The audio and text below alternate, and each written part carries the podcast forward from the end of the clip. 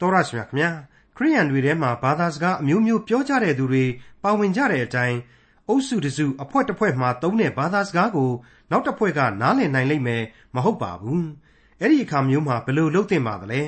ဘာတွေပြောဆိုနေကြသလဲဆိုတာကိုသူတို့သိရှိနားလည်စေဖို့အတွက်ဘာသာပြန်ပြောဆိုပေးတဲ့သူရှိရမှာဖြစ်ပါတယ်ခရိယန်တွေဖျားရှိခိုးဝိပုကိုးကွယ်နေကြတဲ့အချိန်အခါမှာ ခရိယန်မဟုတ်တဲ့သူယေရှုခရစ်တော်ကိုမယုံကြည်တဲ့သူတူဝင်ရောက်လာခဲ့ရင်သူ့အနေနဲ့ဘာသာစကားကိုနားမလဲတဲ့အပြင်ခရိယန်တွေဘာလုပ်နေကြသလဲဆိုတာကိုလည်းနားလည်နိုင်လိမ့်မယ်မဟုတ်ပါဘူးဒီအချိန်အခါမျိုးမှာဘာသာပြန်ရှင်းပြပေးတဲ့သူရှိကိုရှိရမယ်လို့ဖော်ပြထားတဲ့ခရိယန်တမန်ကျမ်းရဲ့ဓမ္မသစ်ကျမ်းပိုင်းတွေကကောရိန္သုဩဝါဒစာပထမဆုံးအခန်းကြီး14အခန်းငယ်23ကနေအခန်းငယ်40အထိကို ဒီကနေ့တင်ပြရတော့တမန်ကျမ်းအစီအစဉ်မှာလေ့လာမှာဖြစ်ပါတယ်။ခရိယန်အမျိုးသမီးတွေအသင်းတော်အဖွဲ့အစည်းထဲမှာဟောပြောတာဟာရှက်စရာကောင်းတယ်လို့လဲတမန်ကျမ်းတွေကဖော်ပြချက်ရဲ့အ내အတိတ်ပဲရှင်းလင်းချက်နဲ့အတူကောရိန္သုဩဝါဒစာပထမဆုံးအခန်းကြီး14အခန်းငယ်23ကနေအခန်းငယ်40အထိကိုဒေါက်တာထွန်းမြတ်အေးကအခုလိုသုံးသပ်တင်ပြမှာဖြစ်ပါတယ်။လေးစားအပ်ပါတော့တင်သိအပ်သောတမန်ကျမ်းရဲ့မိတ်ဆွေတော်တတ်ရှင်များခင်ဗျာ။ ဒီကနေ့အဖို့မှာတော့ကျွန်တော်တို့ဟာကောရိန္သုဩဝါဒစာပထမစာဆောင်ရဲ့အခန်းကြီး14အပိုင်းအခြားကိုဆက်လက်လေ့လာသွားကြရတော့မှာပါဒီကနေ့သင်ခန်းစာကိုတော့ကျေးဇူးတော်လက်ဆောင်ကိုခံယူကြရဝယ်ဆိုပြီးတော့ခေါင်းစဉ်ပေးပြီးတော့ဆက်လက်တင်ပြသွားမှာဖြစ်ပါတယ်အငယ်23ကိုစတင်နားဆင်ကြည့်ကြပါစို့ထို့ကြောင့်သင်းဝင်သူအပေါင်းတို့သည်စီဝေး၍အခြားသောဘာသာဖြင့်ဟောပြောလျက်နေကြစဉ်တွင်မယုံကြည်သောသူမတတ်သောသူသည်ဝင်လာလျှင် သင်တို့ကိုသူယူဖြစ်ကြသည်ဟုပြောမည်မဟုတ်လောကောရိန္သုအသင်းတော်နဘေးမှာတင်မယုံကြည်တဲ့သူတွေအများကြီးရှိတယ်ကဲတင်ချင်းတရားကိုနားမလည်နိုင်သေးတဲ့နတ်ကိုးကွယ်ရေးသမားတွေအများကြီးရှိနေသေးတယ်အဲ့ဒီလူတွေအတွက်ရှင်ပေါလုကရည်စူးပြီးတော့ဒီဆုံးမဩဝါဒကိုရေးလိုက်ခြင်းပါအဲ့ဒီလူတွေကနေအသင်းတော်တွေကိုဝင်လာတဲ့အချိန်မှာတဲ့ဖျားသခင်ရဲ့ကယ်တင်ရှင်တရားအကြောင်းကိုမင်းတို့ကောရိန္သုယုံကြည်သူတွေဟာမသိစေခြင်းကြဘူးလားတဲ့ မခံစားရစေခြင်းဘူးလားမင်းတို့ခံစားထားရတဲ့ကျေးဇူးတော်အသက်လန်းအကြောင်းကိုမဝေမျှကျင်ကြဘူးလားအဲ့ဒီမေခွန်းတွေကိုရှင်ပေါလုမေးလိုက်တဲ့အတူတူပါပဲပြီးတော့မှမင်းတို့ကောရိန္သုအသင်းသားတွေဟာကိုနားလေယုံလောက်နဲ့ကိုဝိညာဉ်ခွန်အားကလေးရယုံလောက်နဲ့ပဲကျင့်တတ်နေကြပြီးတော့ကိုနားလေတဲ့စကားတွေဖြစ်တဲ့ကိုဘာသာစကားတွေအခြားသောဘာသာစကားတွေနဲ့သာဖះရှိခိုးနေကြတော့မှလားဆိုပြီးတော့မေးပါတယ် အဲ့ဒီလိုသာမင်းတို့ကဘယ်သူမှနားမလဲတဲ့ဘာသာစကားနဲ့ကိုးကွယ်နေကြတော့ငကိုကလေးကမှဘုရားသခင်ကိုမသိသေးတဲ့လူတွေကမင်းတို့ကိုဒီလူတွေဟာယူနေတယ်ဆိုပြီးထင်ကုန်ကြမှာပေါ့တဲ့ဒီနေရာမှာကျွန်တော်ကဝင်ပြီးတော့မှတ်ချက်ပြုခြင်းပါတယ်တချို့တချို့ယုံကြည်သူတွေဟာငါတို့ဟာငါတို့ဘုရားသခင်ကိုကျေးဇူးတော်ချီးမွမ်းတယ်တည်ခြင်းဆိုတယ်ဘသူဘာထင်တင်ဘသူဘာဖြစ်ဖြစ်ငါတို့ဂိူးဆိုင်เสียမလိုဘူးဆိုတဲ့သဘောမျိုးရှိကြပါတယ်အမှန်တော့ယုံကြည်ခြင်းကိုကျွန်တော်ချီးမွမ်းပါတယ်တန်တရားမရှိပါဘူးဒါပေမဲ့ ဒီလိုကိုမှန်တယ်ဆိုတဲ့သီးသီးထန်ထန်ခံယူချက်ဟာဒေါသရသများပါဝင်နေလေမလားဆိုတဲ့အတွေ့အမျိုးကျွန်တော်အလေးအနက်တွေးမိတဲ့အကြောင်းပါအခုခေတ်စကားနဲ့ပြောရမယ်ဆိုရင်တော့ကျွန်တော်ပတ်ဝန်းကျင်ကမယုံကြည်သူတွေဟာကောရိန္သုအဆင့်တဲ့မနှိမ့်တဲ့လူတွေဖြစ်တယ်အတွေ့အခေါ်အယူအဆသူ့ဖာသာသူရှိနေကြတဲ့လူတွေဖြစ်တယ်ပြီးတော့သိပ္ပံခေတ်လူသားတွေဆိုတော့သိပ္ပံသမားတွေဆိုတာကိုကျွန်တော်တို့ဟာအလေးအနက်နားလည်သဘောပေါက်ထားကြရလိမ့်မယ်သူတို့ရဲ့အုံနောက်အတွေ့အခေါ်တို့ဟာ ခေတ်နဲ့လျော်ညီစွာပြောင်းလဲပြီးအဆင့်မြင့်နေပြီအဲ့ဒီလိုပတ်ဝန်းကျင်ကြားမှာကျွန်တော်တို့ဟာနှုတ်ကပတ်တော်ကိုပြည်ပြင်းစွာဖွင့်ဆိုပြကြရမယ်။နားလေလွယ်အောင်ပြတ်သားအောင်ဟောပြောကြဖို့တက်တည်ခံကြဖို့လည်းလိုပါလိမ့်မယ်။ကိုယ့်ကိုသူများနားမလဲရင်ဂိူးဆိုင်เสียအကြောင်းမရှိဘူး။ကိုယ့်အကိုနားလေရင်ပြီးရောဆိုတာမျိုးဟာနိုင်ငံရေးစီးပွားရေးနဲ့တခြားလူမှုရေးလုပ်ငန်းတွေမှာတော့ကောင်းမွန်ကောင်းကောင်းမွန်ပါလိမ့်မယ်။အခုကိစ္စမှာကတော့အင်မတန်ညံ့ရာကိုရောက်ပါလေ။ဘာဖြစ်လို့လဲဆိုတော့ဒါဟာဘုရားသခင်ရဲ့မေတ္တာတော်ကို ဝေမျှဖို့အရေးကိစ္စဖြစ်နေပြီမဟုတ်ဘူးလား။အခုကောရိန္သုဩဝါဒစာပထမစာဆောင်အခန်းကြီး14အငယ်24 25ကိုဆက်ပြီးတော့ကြည့်ကြပါသို့မဟုတ်သင်းဝင်သူအပေါင်းတို့သည်ပရောဖက်ပြု၍နေကြစဉ်တွင်မယုံကြည်သောသူမတတ်သောသူသည်ဝင်လာလျှင်သင်းဝင်သူအပေါင်းတို့သည်သူ၏အပြစ်ကိုဖော်ပြ၍သူ့ကိုစစ်ကြောစီရင်ကြ၏ထို့သောသူ၏စိတ်နှလုံး၌မထင်ရှားသောအရာတို့သည်ထင်ရှား၍သူသည်ပြတ်ဝတ်လျက်ဘုရားသခင်ကိုကိုးကွယ်လိမ့်မည် ဘုရားသခင်သည်သင်တို့တွင်အမှန်ရှိတော်မူသည်ဟုသက်သေခံလိမ့်မည်အဲ့ဒါဟာလေရှေးခေတ်ကအဆုံးအမကိုအခုခေတ်နဲ့နှွယ်ပြီးတော့ယူမယ်ဆိုရင်ပြည်ပြင်းလျက်ရှိနေတာပါပဲမယုံကြည်သူ၏အပြစ်ကိုဖော်ပြ၍သူ့ကိုစစ်ကြောစီရင်ရ၏ဆရာဟာမယုံကြည်သောသူတို့ရှေ့မှာတက်ပြီးခံရမယ်ဆိုတဲ့အချက်ပါတဒါကိုတလွဲသွားပြီးမတွေးရပါဘူးဟဲ့လူလာခဲ့စမ်းခမရဖျားသခင်ကိုမယုံဘူးဆိုတော့အပြစ်ရှိတယ်ဗျအပြစ်ရှိတယ်အဲ့ဒါခမရတော့ငရဲအိုးကိုစောက်ထိုးသေးချပေါက်ကြမှာပဲဆိုပြီးတွားပြောကြည့်လေ ကို့ပြန်ရိုက်သွားမှာပေါ့ကျွန်တော်ပြောခဲ့တယ်လို့20ရာစုခေတ်ကိုရောက်လို့လူသားတွေဟာသမိုင်းရဲ့သင်ခန်းစာတွေသိပ္ပံတိုးတက်မှုတွေကြားမှာနှိမ့်မွန်းနေကြတယ်အမျိုးမျိုးသောအဘိဓမ္မာတွေနဲ့ကျင်လည်နေကြတယ်မဟုတ်ဘူးလားအဲ့ဒါကိုကိုကဘုရားသခင်ရဲ့ကယ်တင်ခြင်းတရားနဲ့သာဝရအသက်လမ်းအကြောင်းကိုသိမ်မွေ့စွာရှင်းပြရမယ်မဟုတ်ဘူးလားဒါကိုကိုကစောကကျွန်တော်ပြောခဲ့တဲ့အတိုင်းတရသေးလျှောက်လို့လို့ဘယ်ဖြစ်မလို့အဲ့ဒါဆိုရင်လူမှုရေးအရာယဉ်သီးရိုင်းပြရာကိုတောင်မှရောက်သွားနိုင်တယ် ဒါဟာဒီကျမ်းနဲ့ပတ်သက်လို့ကျွန်တော်တို့မှတ်သားနိုင်ယူရမယ့်အချက်ပါဘာပဲပြောပြောဝမ်းမြောက်ဖွယ်ဧဝံဂေလိသတင်းစကားဆိုတာကိုလူသားတို့နားလည်ဖို့အတွက်တော့ပြီးခဲ့တဲ့သင်ခန်းစာမှာဆိုခဲ့တဲ့အတိုင်းပဲချစ်ချင်းမေတ္တာပါဝင်တဲ့တန်ရှင်းသောဝိညာဉ်တော်လမ်းပြခြင်းနဲ့အညီ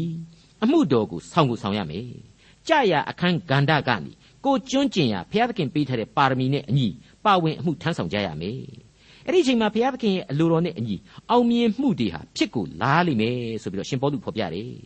မယုံကြည်သူတို့ရဲ့နှလုံးအိမ်မှာမထင်ရှားတဲ့အရာတွေဟာထင်ရှားပြီးလာရလိမ့်မယ်ဒီအခါမှာသူဟာပြတ်ဝတ်ပြီးတော့ဘုရားသခင်ကိုကိုးကွယ်လာလိမ့်မယ်တဲ့ဘုရားသခင်ဟာအမှန်တကယ်ရှင်သန်နေသောသခင်ဆိုတာကိုသူကိုယ်တိုင်သက်သေခံလာရစေမယ်တဲ့ဘလောက်ကောင်းတုံး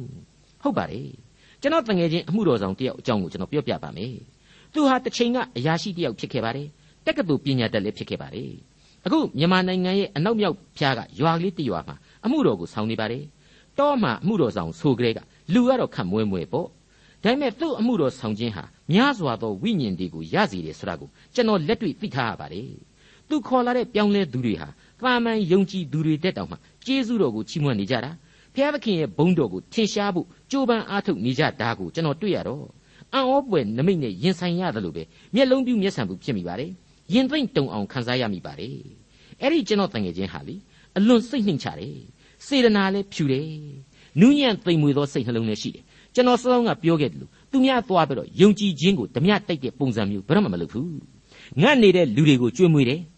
ဆင်းရဲနေတဲ့လူတွေကိုဒုက္ခရောက်နေတဲ့လူနာတွေကိုသူ့မိတ်ဆွေစေတနာဆရာဝန်တွေစီကိုသူခေါ်သွားပေးတယ်ဖျားသခင်ရဲ့ကယ်တင်ခြင်းတရားအကြောင်းကိုရှင်းပြတယ်လက်ခံသည်ဖြစ်စေလက်မခံသည်ဖြစ်စေအဲ့ဒီပုံကိုယ်တွေအတွက်ဆူတောင်းပေးတယ် အဲ့ဒီအခါမှာတော့ကျွန်တော်လေ့လာခဲ့ကြရတဲ့တန်ရှင်းသောဝိညာဉ်တော်နဲ့ဘုရားသခင်ရဲ့ချစ်ချင်းမြတ်တာသဘောထားဟာကြံလူတွေရဲ့နှလုံးသားကိုအလိုအလျောက်ထိတွေ့လာစေတော့တာပဲဆိုတာကိုကျွန်တော်သူ့ရဲ့ကိုစားတက်တည်ခံနိုင်ပါတယ်ဒီတော့ဒါဟာအခုရှင်ပေါလုဖွဲ့ဆိုခဲ့တဲ့အတိုင်းကို့မေတ္တာအားဖြင့်မယုံကြည်သူတို့ဟာကိုယ့်ကိုယ်ကိုအပြစ်သားဖြစ်ကြောင်းနဲ့အဲ့ဒီအပြစ်ဘဝကနေပြီးတော့ဘုရားသခင်အားဖြင့်အသစ်ဘဝကိုရောက်နိုင်ကြောင်းကိုသူဖော်ပြတာနဲ့အတူတူပဲဖြစ်နေပြီပေါ့ဒီအမှုတော်မျိုးကိုကျွန်တော်တို့လက်တွေ့ကြကြ လိုက်နာဆောင်ရွက်သွားကြရမှာဖြစ်ပါတယ်အငယ်26ညီအကိုတို့အဘယ်သို့နီးသင်တို့စည်းဝေးကြသောအခါဆာလံတီချင်းကိုရသောသူဆုံးမဩဝါဒစကားကိုရသောသူအခြားသောဘာသာစကားကိုရသောသူဗျာဒိတ်တော်ကိုရသောသူအ내ဖော်ပြရာကိုရသောသူအသီးအသီးရှိကြသည်ဖြစ်၍ခတ်သိမ်းသောအမှုတို့ကိုတိဆောက်ခြင်းအလို့ငှာစီရင်ကြလော့တိဆောက်ခြင်းအလို့ငှာဆိုတဲ့စီကံကလနာဟာပါဝင်နေပါလေဒါဟာအရေးကြီးတဲ့အချက်ပါ ဘာသာစကားအမျိုးမျိုးသည်မေတ္တာတော်ကိုချီးမွမ်းကြ၏လို့ဆိုထားခဲ့ပြီးသလိုဘုန်းတော်ကိုထင်ရှားစေဖို့အဓိကဖြစ်ပါတယ်ဉာဏ်တွေအမျိုးမျိုးယုံကြည်ခြင်းအမျိုးမျိုးအတတ်ပညာအမျိုးမျိုးတွေနဲ့မိုးပြန်အောင်ဘယ်အဆင့်ကြီးမှာပဲရှိရှိဘုရားသခင်ရဲ့ချစ်ချင်းမေတ္တာတော်ကိုသေဆောင်ရာတန်ရှင်းသောဝိညာဉ်တော်မပါဘူးဆိုသည်၍ဒါဟာတိဆောက်ခြင်းဘယ်နည်းမှဖြစ်နိုင်ွယ်မရှိပါဘူးအမုန်းပွားဖို့ကွဲပြားခြားနာဖို့ပရိပက္ခဖြစ်ဖို့သာအကြောင်းတွေဖန်လာပါလိမ့်မယ်အငယ်29မှ28 အခြားသောဘာသာစကားအဖြစ်ဟောပြောသောသူရှိလျင်နှစ်ယောက်ဖြစ်စီအများဆုံးဆိုသောသုံးယောက်ဖြစ်စီတယောက်နောက်တယောက်ပြော၍အ내ကိုဖော်ပြစေစကပြန်မရှိလျင်ဟောပြောသောသူသည်အသင်းတော်၌တိတ်ဆိတ်စွာနေ၍မိမိအား၎င်းဖျားသခင်အား၎င်းပြောစီအသင်းတော်မှာစီကံကြနာစေမယ့်ဩဝါဒစာပဲဖြစ်ပါလေဒီကနေ့အသင်းတော်တွေရဲ့အစီအစဉ်များနေလေအလွန်တရာမှလိုက်လျောညီထွေရှိတယ်ခင်မိနေသေးပဲလို့ကျွန်တော်ဆိုချင်ပါတယ်အချိန်ကိုတန်ဖိုးရှိရှိအသုံးချဖို့နဲ့ ဝတ်ပြုကိုးကွယ်ခြင်းမှာထိရောက်စေဖို့ဆိုတဲ့အချက်တွေကိုတွေ့လာရပါတယ်ဘာသာစကားအမျိုးမျိုးနဲ့ဝတ်ပြုကိုးကွယ်တယ်အဲ့ဒီလိုကိုးကွယ်ရမှာနားမလည်နှိုင်သူတွေပါဝင်မယ်ဆိုရင်အ내အတိတ်ပဲပြန်ဆိုရမယ်ဆိုတဲ့အချက်အဓိကအားဖြင့်နှုတ်ကပတ်တော်ရဲ့ဝိညာဉ်ရေးအနှစ်သာရကိုပေါ်လွင်စေဖို့သာလျှင်အဓိကဖြစ်တယ်လို့တယ်ဆိုတာကိုဖော်ပြထားပါတယ်အကယ်၍ဘာသာပြန်ဆိုသူကိုယ်တိုင်ကဝိညာဉ်ရေးခွန်အားမပါဝင်ဘူးဆိုရင်လေအချီးနှီးဖြစ်သွားပါလိမ့်ဦးမယ်ဟောပြောလိုသူများဟာ၄ယောက်ရှိနေမယ်ဆိုရင် သရုတ်ထတယောက်ဟာပြောခွင့်မရှိဘူးနောက်တစ်ချိန်ကြာမှသူ့အလှည့်ကြတယ်အဲ့ဒီအချိန်ကြာမှပြောပါဆိုတဲ့သဘောပါဝင်ပါတယ်အကယ်၍ဘာသာပြန်ဆိုပေးမဲ့လူမရှိရင်လည်းဒါဟာကိစ္စမရှိပါဘူးကိုပြောတာဟာဝိညာဉ်ခွန်အားရှိရမယ်ဘာဖြစ်လို့လဲဆိုတော့ဒီအသံတွေကိုဘုရားသခင်ဟာနားထောင်ကောင်းကြီးပေးနေလို့သာလျှင်ဖြစ်ပါတယ်အငယ်26မှ33ပရောဖက်2ယောက်ဖြစ်စေ3ယောက်ဖြစ်စေဟောပြော၍အခြားသောသူတို့သည်စစ်ကြောဆင်ခြင်ကြစေ ထိုင်လျက်နေသောသူအားတစုံတစ်ခုကိုဖွင့်ပြတော်မူလျှင်အရင်ဟောပြောသောသူသည်တိတ်ဆိတ်စွာနေစေအကြောင်းမူကားရှိသမျှတို့သည်သင်ခြင်းဟာ၎င်းရှိသမျှတို့သည်တက်တာခြင်းဟာ၎င်းသင်တို့အသီးအသီးတယောက်နောက်တယောက်ပရောဖက်ပြုရသောအခွင့်ရှိကြ၏ပရောဖက်တို့သည်လည်းမိမိတို့စိတ်ဝိညာဉ်ကိုချုပ်တီးနိုင်ကြ၏ဖျားသခင်သည်ယုံရင်ခတ်သောအမှုကိုပြုစုတော်မမူ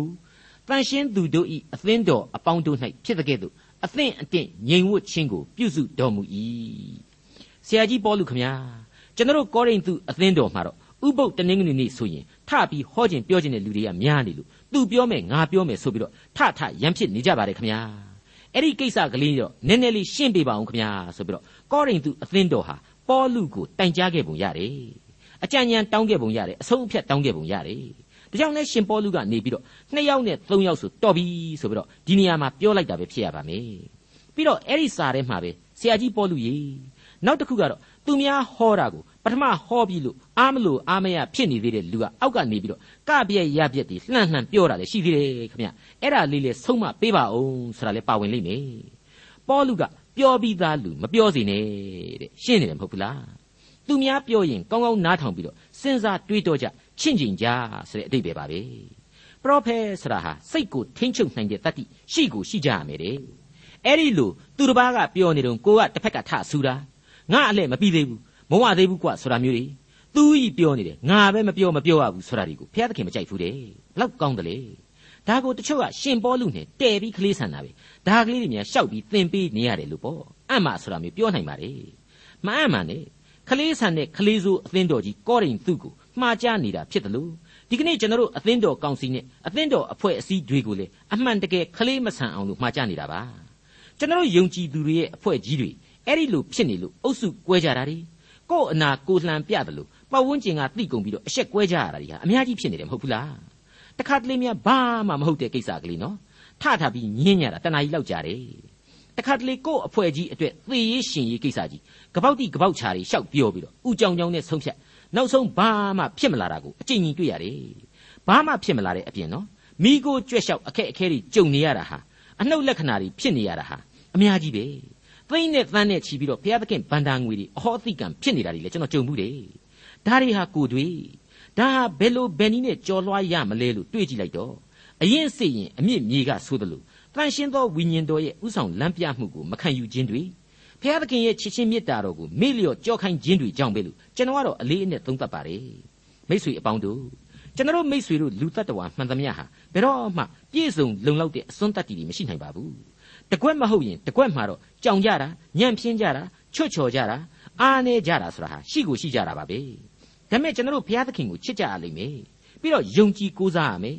ဘုရားသခင်ရဲ့ကိုးစားချထားတဲ့တန်ရှင်းသောဝိညာဉ်တော်ကိုအစဉ်အမြဲကျွန်တော်တို့လက်တွေ့ထားရမယ်အမြဲဥထိတ်ပန်ဆင်ကြရမယ်တန်ရှင်းသောဝိညာဉ်တော်ကိုခွန်အားတောင်းခံပြီးတော့ကိုယ့်ဘဝခရီးလမ်းကိုရှောက်သွားကြရလိမ့်မယ်အဲ့ဒီလိုအခြေခံခံယူချက်တွေနဲ့ညီညွတ်တဲ့အခါကျတော့ အခုရှင်ပေါလုပြောနေတဲ့အသင်းတော်ကိုတိဆောက်ခြင်းဆိုတဲ့အဆင့်အထိကိုကျွန်တော်ရဲ့ယုံကြည်ခြင်းစွမ်းအားတွေဟာပြန်လဲဖြစ်ထွန်းလာမှာမလွဲဧကံဖြစ်ပါတယ်အသင်းတော်တို့ရဲ့တက်တန်းဟာနှစ်ပေါင်းပဲ2000နီးပါးရှိနေပါပြီအခု21ရာစုတည်းကိုခြေလှမ်းပြိုးနေပါပြီ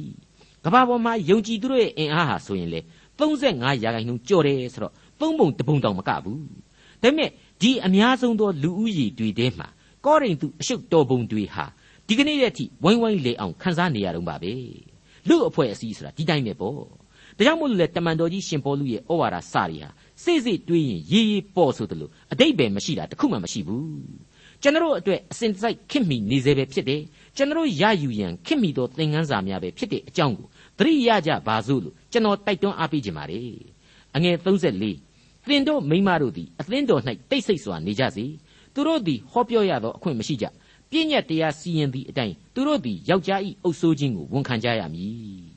ဒါကိုတချို့ကက်ကက်ဖဲ့ဖဲ့တွေးပြီးတော့ဘုရားသခင်ကမိန်းမတွေကိုနှိမ်တယ်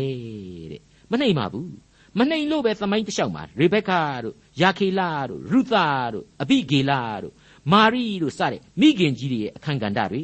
ဒေဘောရလိုတိုင်းပြည်ကိုတောင်တက်အုပ်ချုပ်လာတဲ့မိမသူရဲကောင်းကြီးတွေအကြောင်းကိုကျွန်တော်တို့ကြားခဲ့ကြရပြီးသားပဲပရောဖက်မတွေရှိခဲ့တယ်ဆိုတာလေသိခဲ့ကြရပြီးပြီ အထူးသဖြင့်ပူပူနွေးနွေးပဲရှိပါသေးတယ်တမန်တော်ဝတ္ထုအခန်းကြီး27အငယ်9မှာတော့ငါတမန်တော်ဖိလိပ္ပုရဲ့သမီး၄ယောက်ဟာပရောဖက်ပြုတ်ကြတယ်ဆိုတာကိုတွေ့ခဲ့ရတာပဲမဟုတ်ဘူးလားဒီတော့ဒီသက်သေတွေနဲ့ညှိပြီးကြည့်ရင်အခုဒီနေရာမှာပေါလုပြောနေတာကဟောပြောရသောအခွင့်ဆိုတဲ့တယောက်တစ်လှည့်ထပြီးညင်းခုန်ဆွေးနွေးခြင်းမျိုးကိုပို့ပြီးတော့ဆိုလိုတာပါစောစောပိုင်းကကျွန်တော်ဖော်ပြပြီးခဲ့တဲ့နှစ်ယောက်သုံးယောက်တဲ့မပိုစီနဲ့ဆိုတဲ့အလှည့်ကျ ဝိညာဉ်ရေးအရာမိမိတို့ရှာမှာပေါ်ထွက်လာတဲ့ဘာသာစကားများနဲ့ဟောပြောခြင်းကိုသာဆိုလိုတာပါယောက်ျားကြီးတွေတောင်ထထပြီးတော့စိတ်ကောက်ကြဘူးတွေပြောကြဘောက်တီဖြစ်ကြငါစကားနွားရည်ဖြစ်နေကြဟန်ရှိတယ်ဆိုတာကိုကျွန်တော်ပြောခဲ့ပြီးပြီလေကောရိန္သုအသင်းတော်ကဖြစ်ပုံတွေကိုပြောတာပါဒီတော့ယောက်ျားကြီးတွေတောင်မှထမိန်ဝတ်ပြီးတော့တိုက်ပွဲဝင်နေတယ်လို့ဖြစ်နေတဲ့အဖွဲ့အစည်းမိမတွေမပါစေနဲ့ဆိုတာဒါဘာဆန်းတုံမဟောရမပြောရတော့ကောဘာဖြစ်တုံတက်တည်ခံနိုင်ပါတယ် အသင်းတော်ဝေယဝဆတွေမှာအများကြီးဝင်ပြီးတော့လှုပ်ပြီးနိုင်ပါတယ်ဒါပြီးတာပဲမဟုတ်ဘူးလားပြီးတော့တမန်တော်ကြီးကဆက်တယ်ယောက်ျားကြီးအုပ်ဆိုးခြင်းကိုဝန်ခံကြရမည်တဲ့ဒါဟာပြည့်ညတ်တော်ခစ်ကလေးကတီလာတဲ့အဆုံးအမပါမကောင်းဘူးလားတခုတော့ရှိလေရဲ့မိမကိုအုပ်ဆိုးရမယ်ယောက်ျားကြီးများကိုယ်တိုင်ကဖျားသခင်အုပ်ဆိုးခြင်းကိုခံယူကြရဲ့လားပြီးတော့ကိုယ်တိုင်ကထမိန်ကြီးဝတ်ပြီးတော့မိမဒီတဲ့အတင်းအဖျင်းနေပြောတာအလှကြိုက်တာမှပူနေကြသလားအဲ့ဒီအချက်တွေကိုလည်းတစ်ဖက်ကပြန်ပြီးတော့ကျွန်တော်တို့ဆင်ခြင်အောင်မိကြမှာဖြစ်ပါတယ် ကောရိန္သုဩဝါဒစာပထမစာဆောင်အခန်းကြီး14အငယ်35မိမတို့သည်တစုံတစ်ခုကိုသိလို့လျှင်အိမ်၌မိမိခင်ပွန်းတို့ကိုမေးမြန်းကြစေမိမသည်အသင်းတော်၌ဟောပြောလျင်ရှက်ဖွယ်သောအကြောင်းဖြစ်၏ကျွန်တော်စောစောပိုင်းကရှင်းပြခဲ့တဲ့အတိုင်းပါပဲမိမတွေကထပြီးဟောပြောမှကြံတဲ့လူတွေကတန်ဝေကတွေရပြီးတော့ဩငါဖြင့်မှားပြီဒီမိမကြီးပြောမှပဲငါတရားရပြီသူ့တရားနာတော့မှပဲဘုရားသခင်အပေါ်မှာငါယုံကြည်ခြင်းအားနေနေတာကိုသိလာရပြီ ဘုရားသခင်ကဆိုလိုတာကဒါပါကလားငါအခုမှပဲသဘောပေါက်ရပြီဆိုတာမျိုးဘုရားသခင်မဖြစ်စေခြင်းဘူးအဲ့ဒါကြောင့်တကြောင်ပါဝင်တယ်လို့နှစ်ယောက်သို့မဟုတ်သုံးယောက်ဆွေးနွေးပြောဆိုတာတရားဓမ္မဝေမျှရမှာမိမကြီးတွေတက်မဟောနဲ့ရှက်เสียကောင်းနေတယ်ဒီနေရာမှာလဲမိမဆိုတဲ့နံကိုအထွေထွေသဘောသုံးဆွဲတာပါပဲတချို့ယောက်ျားကြီးတွေမိမလောက်တော့မှမစွန့်တာကိုကျွန်တော်တို့တွေ့နေရတယ်ဆိုရင်ဘယ်သူညင်းနိုင်မလို့အဲ့ဒီလိုပုံကိုကြီးမျိုးတွေကြတော့ကော သူတို့တွေတက်ပြီးတော့ဟောကြပြောကြခြင်းအဖြစ်မိမကြီးတွေတဲ့ပို့ပြီးတော့ကောင်းနိုင်ပါမလားမကောင်းနိုင်ပါဘူးဒီအချက်တွေနဲ့ပတ်သက်ပြီးတော့ကျွန်တော်ကတော့ယောမဩဝါဒစာတွေကအခန်းကြီး15 14တို့လိုပဲအလျှော့အတင်းရှိတဲ့ညွှန်ကြားချက်တွေအပြိုင်ဆိုင်ပြောနိုင်ဖို့ရှိတဲ့အဆုံးအမတွေအဖြစ်ဒီ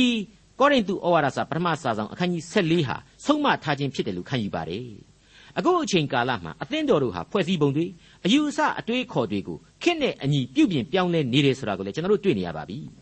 ပြုပြင်ပြောင်းလဲရေးတွေကိုလှုပ်တန်တဲ့၍အသင်းတော်ဟာသမိုင်းနဲ့ချီပြီးလှုပ်သွားကြရစမြဲပါပဲဆက်လက်လဲလှုပ်သိရင်လှုပ်သွားကြရမှာပါဘုရားသခင်အလိုတော်ဆိုတာကိုသိဖို့နဲ့တန်ရှင်းသောဝိညာဉ်တော်လမ်းပြဖို့ဆိုတာကအခုရှင်ပေါလုဖော်ပြခဲ့တဲ့ဩဝါဒစာရရဲ့အရင်းခံအဓိကအချက်ပဲလို့ကျွန်တော်ဖြစ်ဆွဲချင်ပါတယ်အငယ်36 ဖျားသခင်ဤနှုတ်ကပတ်တော်သည်သင်တို့မှထွက်သလောသို့မဟုတ်သင်တို့သို့သာရောက်သလောဟောပို့ပြီးတော့အတိတ်ပဲရှိမနေဘူးလားနှုတ်ကပတ်တော်ဆိုတာဟာမင်းတို့လူကဖြစ်သလားငါကတန်ရှင်းသောဝိညာဉ်တော်အဖြစ်ဝေမျှခဲ့တာလားတဲ့ရှင်ပေါလုကမိခွန်းထုတ်လိုက်ပါတယ်ကျွန်တော်ဆိုခဲ့တဲ့အတိုင်းပဲရေပုံရသဘောမဟုတ်တော့တဲ့လေးနဲ့တဲ့အဘိဓမ္မာအဖြစ်ပြောင်းလဲသွားပြီနှုတ်ကပတ်တော်ကိုအယံဘာသာမှာပြန်ဆိုရဘူးကပောက်တိကပောက်ချာကိုလိုရာကိုဆွဲပြီးမတွေးရဘူးဆိုတဲ့သဘောပါ ရှင်ပေါလုရဲ့ဥဆောင်ခဲ့တဲ့ကယ်တင်ရှင်တရားဆရာဟာလူမိုက်ကြီးရှောလူရဲ့နှလုံးသားကိုဘုရားသခင်ကပြေဝစေတဲ့တန်ရှင်းသောဝိညာဉ်တော်ကနေသာပေးအပ်သွားခြင်းဖြစ်ပါတယ်ရှင်ပေါလုကကိုယ့်ဘာသာကိုစဉ်းစားပြီးတော့ဖန်တီးရယူတာမဟုတ်ပါဘူးမိษွေအပေါင်းတို့ခမညာကျွန်တော်သင်သိရသောတမန်ကျမ်းဟာပုံနှိပ်စာလုံးတွေပေါ်ကနေကျွန်တော်ကတဆင့်ဘာသာပြန်တာဖြစ်တယ်လို့အသံလွှင့်တင်ပြနေတာလည်းဖြစ်ပါတယ်ဒါပေမဲ့ဒီစာလုံးတွေရဲ့နောက်ကျောမှာဝိညာဉ်တော်ရှိနေပါတယ် အနန္တကာလကတည်ခဲ့တဲ့အသက်ရှိနေပါတယ်ဒါကိုကျွန်တော်ကလက်လှမ်းသင်နိုင်အယံဘာသာမပြန်ရပါဘူးပြန်လည်းမပြန်ရဲပါဘူးမပြောလည်းမပြောရဲပါဘူးဘာဖြစ်လို့လဲဆိုရင်နှုတ်ကပတ်တော်ဟာကျွန်တော်ကထွက်တာမဟုတ်ပါဘူးကျွန်တော်စီကိုရောက်လာတဲ့ဘုရားသခင်ရဲ့ဗျာဒိတ်တော်သာဖြစ်ပါတယ်မိတ်ဆွေအပေါင်းတို့ခင်ဗျာဘုရားသခင်သိနာလေတဲ့အခြားသောဘာသာစကားတွေနဲ့ကျွန်တော်ဟာဘုရားသခင်ကိုဆက်သွယ်လို့ရနိုင်ပါတယ်လူလူချင်းပြောနေတဲ့လူဘာသာစကားတွေနဲ့ကတော့ဘုရားသခင်ရဲ့ဝိညာဉ်တော်မပါဝင်ပဲ ဘုရားသခင်နဲ့သက်ဆိုင်ပြီးမပြောတာဟာအန္တရာယ်ကင်းဝေးပါလိမ့်မယ်ကောရိန္သုဩဝါဒစာပထမစာဆောင်အခန်းကြီး14အငယ်38နဲ့38ငါသည်သင်တို့အားရေး၍ပေးလိုက်သောစကားတို့သည်သခင်ဖျား၏ပြည့်ညတ်တော်ဖြစ်ကြောင်းကိုပရောဖက်ဖြစ်သောသူဝိညာဉ်စုကျေးဇူးကိုခံရသောသူမြည်ဒီကဝန်ခံပါစေတစုံတယောက်သောသူသည်မသိလျင်မသိဘဲနေစေအချုပ်အခြာဟုမူကားညီအကိုတို့သင်တို့သည်ပရောဖက်ပြုခြင်းဟာအလွန်အလိုရှိကြလော ဒီနေရာမှာသင်တို့သည်ပရောဖက်ပြုခြင်းဟာအလွန်အလိုရှိကြလောဆိုတာဟာဖျားသခင်သိစေခြင်းတာတွေ့ကိုလူသားတွေရှေ့မှာဗျာဒိတ်ပြုခြင်းအမှုကိုဆိုလိုပါတယ်တနည်းအားဖြင့်ကတော့ဝိညာဉ်ခွန်အားနဲ့ပြည့်ဝတဲ့လူဘာသာစကားအမျိုးမျိုးကိုပြောနိုင်တော်သူဆိုတဲ့အတိတ်ဘယ်ကိုလည်းဆောင်ပါတယ်အဲ့ဒီလိုပရောဖက်ဖြစ်တတ်တဲ့လူတွေအတွက်ခိုင်မာတဲ့ဆန်းစစ်ချက်ဆိုတာကတော့အခုတမန်တော်ကြီးရှင်ပေါလုပြောနေတဲ့ဩဝါဒတွေဟာဘုရားသခင်ရဲ့ဩဝါဒတွေဖြစ်တယ်ဆိုတာကိုလက်ခံနာယူရမယ်ဆိုတဲ့အချက်ပါပဲဒါကိုတစုံတယောက်သောသူ သို့မဟုတ်အခြားသောလူတွေကတော့နားမလည်ပဲရှိကောင်းရှိမယ်နားမလည်လို့လည်းအပြစ်မဟုတ်ဘူးဒါပေမဲ့ဘုရားသခင်ရဲ့ပရောဖက်ဆိုတဲ့လူသို့မဟုတ်ဘုရားသခင်ဗျာဒိတ်ကိုသုံးဆွဲရသူကတော့နားကိုလဲကိုလဲရလိမ့်မယ်လို့တမန်တော်ကြီးကသတိပေးလိုက်ခြင်းပါဒါဟာအမှန်တော့တကယ်ဓမ္မရေးရအမှန်တရားပါကျွန်တော်အကြိမ်ကြိမ်ပြောခဲ့ဘူးတယ်လို့ဘုရားသခင်ရဲ့ကျေးဇူးတော်ဆိုတာကိုခံယူရရင်အဲ့ဒီကျေးဇူးတော်နဲ့တန်ရတန်ရတာဝန်တွေဟာဇက်တိုက်ကပ်ပြီးတော့ပါလာပါတယ် အဲ့ဒီကျေးဇူးတော်တွေနဲ့အတူဆက်ကပ်ရခြင်းဝေမျှရခြင်းစွန့်လွတ်ရခြင်းအနစ်နာခံရခြင်းဆိုတာတွေဟာရှိလာပါတယ်အဲ့ဒီအချက်မှာတော့ဘုရားသခင်ဟာဘာကိုဖြစ်စေခြင်းနဲ့ဘာကိုမဖြစ်စေခြင်းဘူးဆိုတဲ့ဘုရားသခင်ရဲ့စိတ်တော်ကိုသိဖို့ဆိုတာဟာအလွန်အရေးကြီးတဲ့အချက်ပဲဖြစ်ပါတယ်ကျွန်တော်ဘုရားသခင်ကိုယုံကြည်ပါတယ်ဆိုပြီးတော့လူရှိဓမ္မဆရာတွေရှိဘုရားသခင်ရှိမှအာမဘန်းတွေရင်ကော့ခံပြီးတော့ဗတ္တိဇံခံယူခဲ့ကြပါတယ်ကျွန်တော်အကြောင်းကိုကျွန်တော်ပြန်ပြီးပြောရမယ်ဆိုရင် ဗတ္တိဇံကိုခံယူခဲ့တဲ့သက်တမ်းဟာကျွန်တော်မှာနှစ်ပေါင်း35နှစ်ကျော်ခဲ့ပါပြီ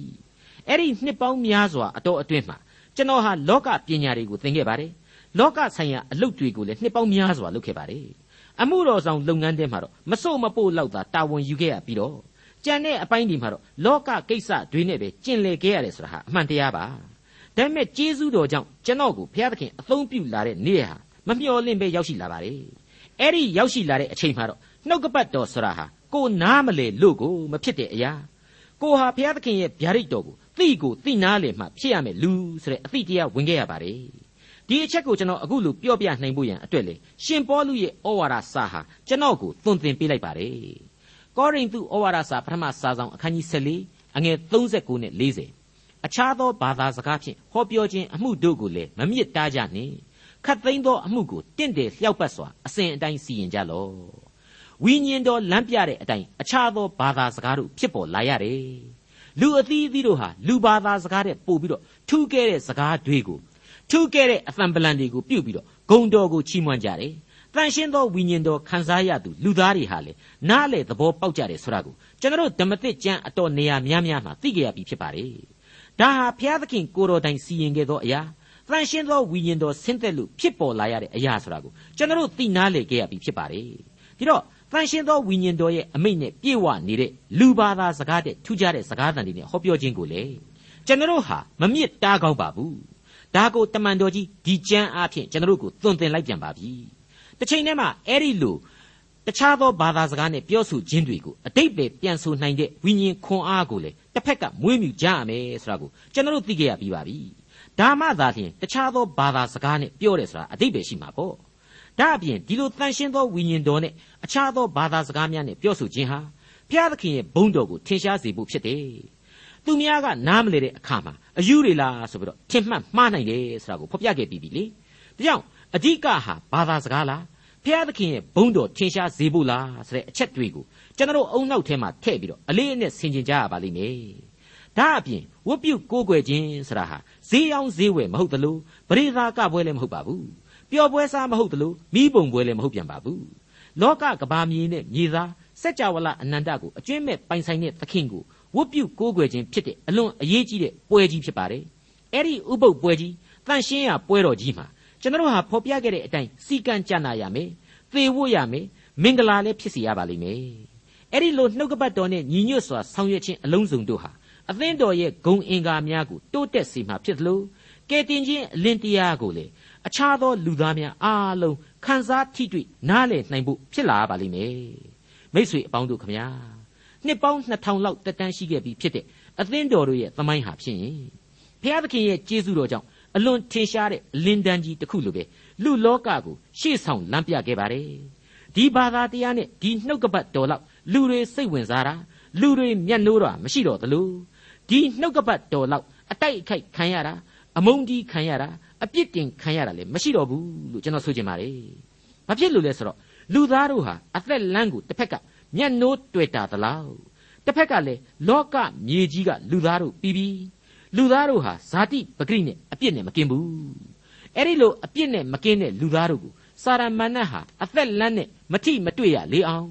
အသက်လမ်းနဲ့ဆန့်ကျင်ဘက်ကိုဥတီရလေအောင်ကြောခိုင်းရလေအောင်အစင်းတစိုက်ဥဆောင်တိုက်ခိုက်နေလို့ပဲဖြစ်ပါတယ် ဒီတော့အဲ့ဒီလမ်းကြောင်းနှစ်ခုဟာတစ်ခုကအသက်လမ်းတစ်ခုကအပြက်လမ်းလို့ဆိုရတော့မှာပါဒီကြားထဲမှာပဲအသင်းတော်တို့ဟာခိုင်မာစွာတိဆောက်ခဲ့ပြီးဖြစ်ပါတယ်ကယ်တင်ရှင်တရားဆိုတာဟာလေထင်ရှားပြတ်သားစွာနဲ့လောကရဲ့ရှေ့ဆောင်မိရှုတစောင်ကဲ့သို့ဖြစ်ခဲ့ရပြီးပါပြီဒါဟာဘုရားသခင်ရဲ့ကျေးဇူးတော်ကိုချီးမွမ်းရမယ့်အချက်ကြီးပါပဲ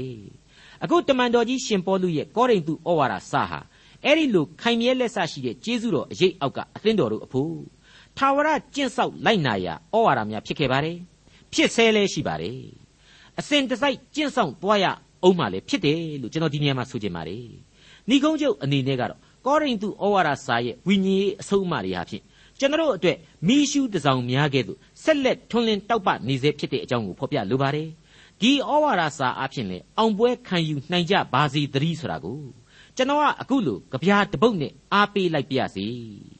ကောရိန္သုမှဩဝါဒဖြင့်ကာလအစဉ်သမိုင်းဝင်သော သခင်စေစာဝတ္တရားကို လူသားနားလေအောက်မေ့ပွဲတည်ကဲတင်ရှင်ဤဂုံအင်ထွန်းတောက်လင်းအောင်အောက်တွင် ထိုးဖောက်လာလက်မန်မာနတ်ကိုကာသက်စီတာဤတရားဖြင့်ပယ်ရှားအောင်ပွဲဝင်ကြစေဒေါက်တာထွန်းမြတ်ရေးစီစဉ်တင်ဆက်တဲ့တင်ပြရတော်တမချန်းအစီအစဉ်ဖြစ်ပါတယ်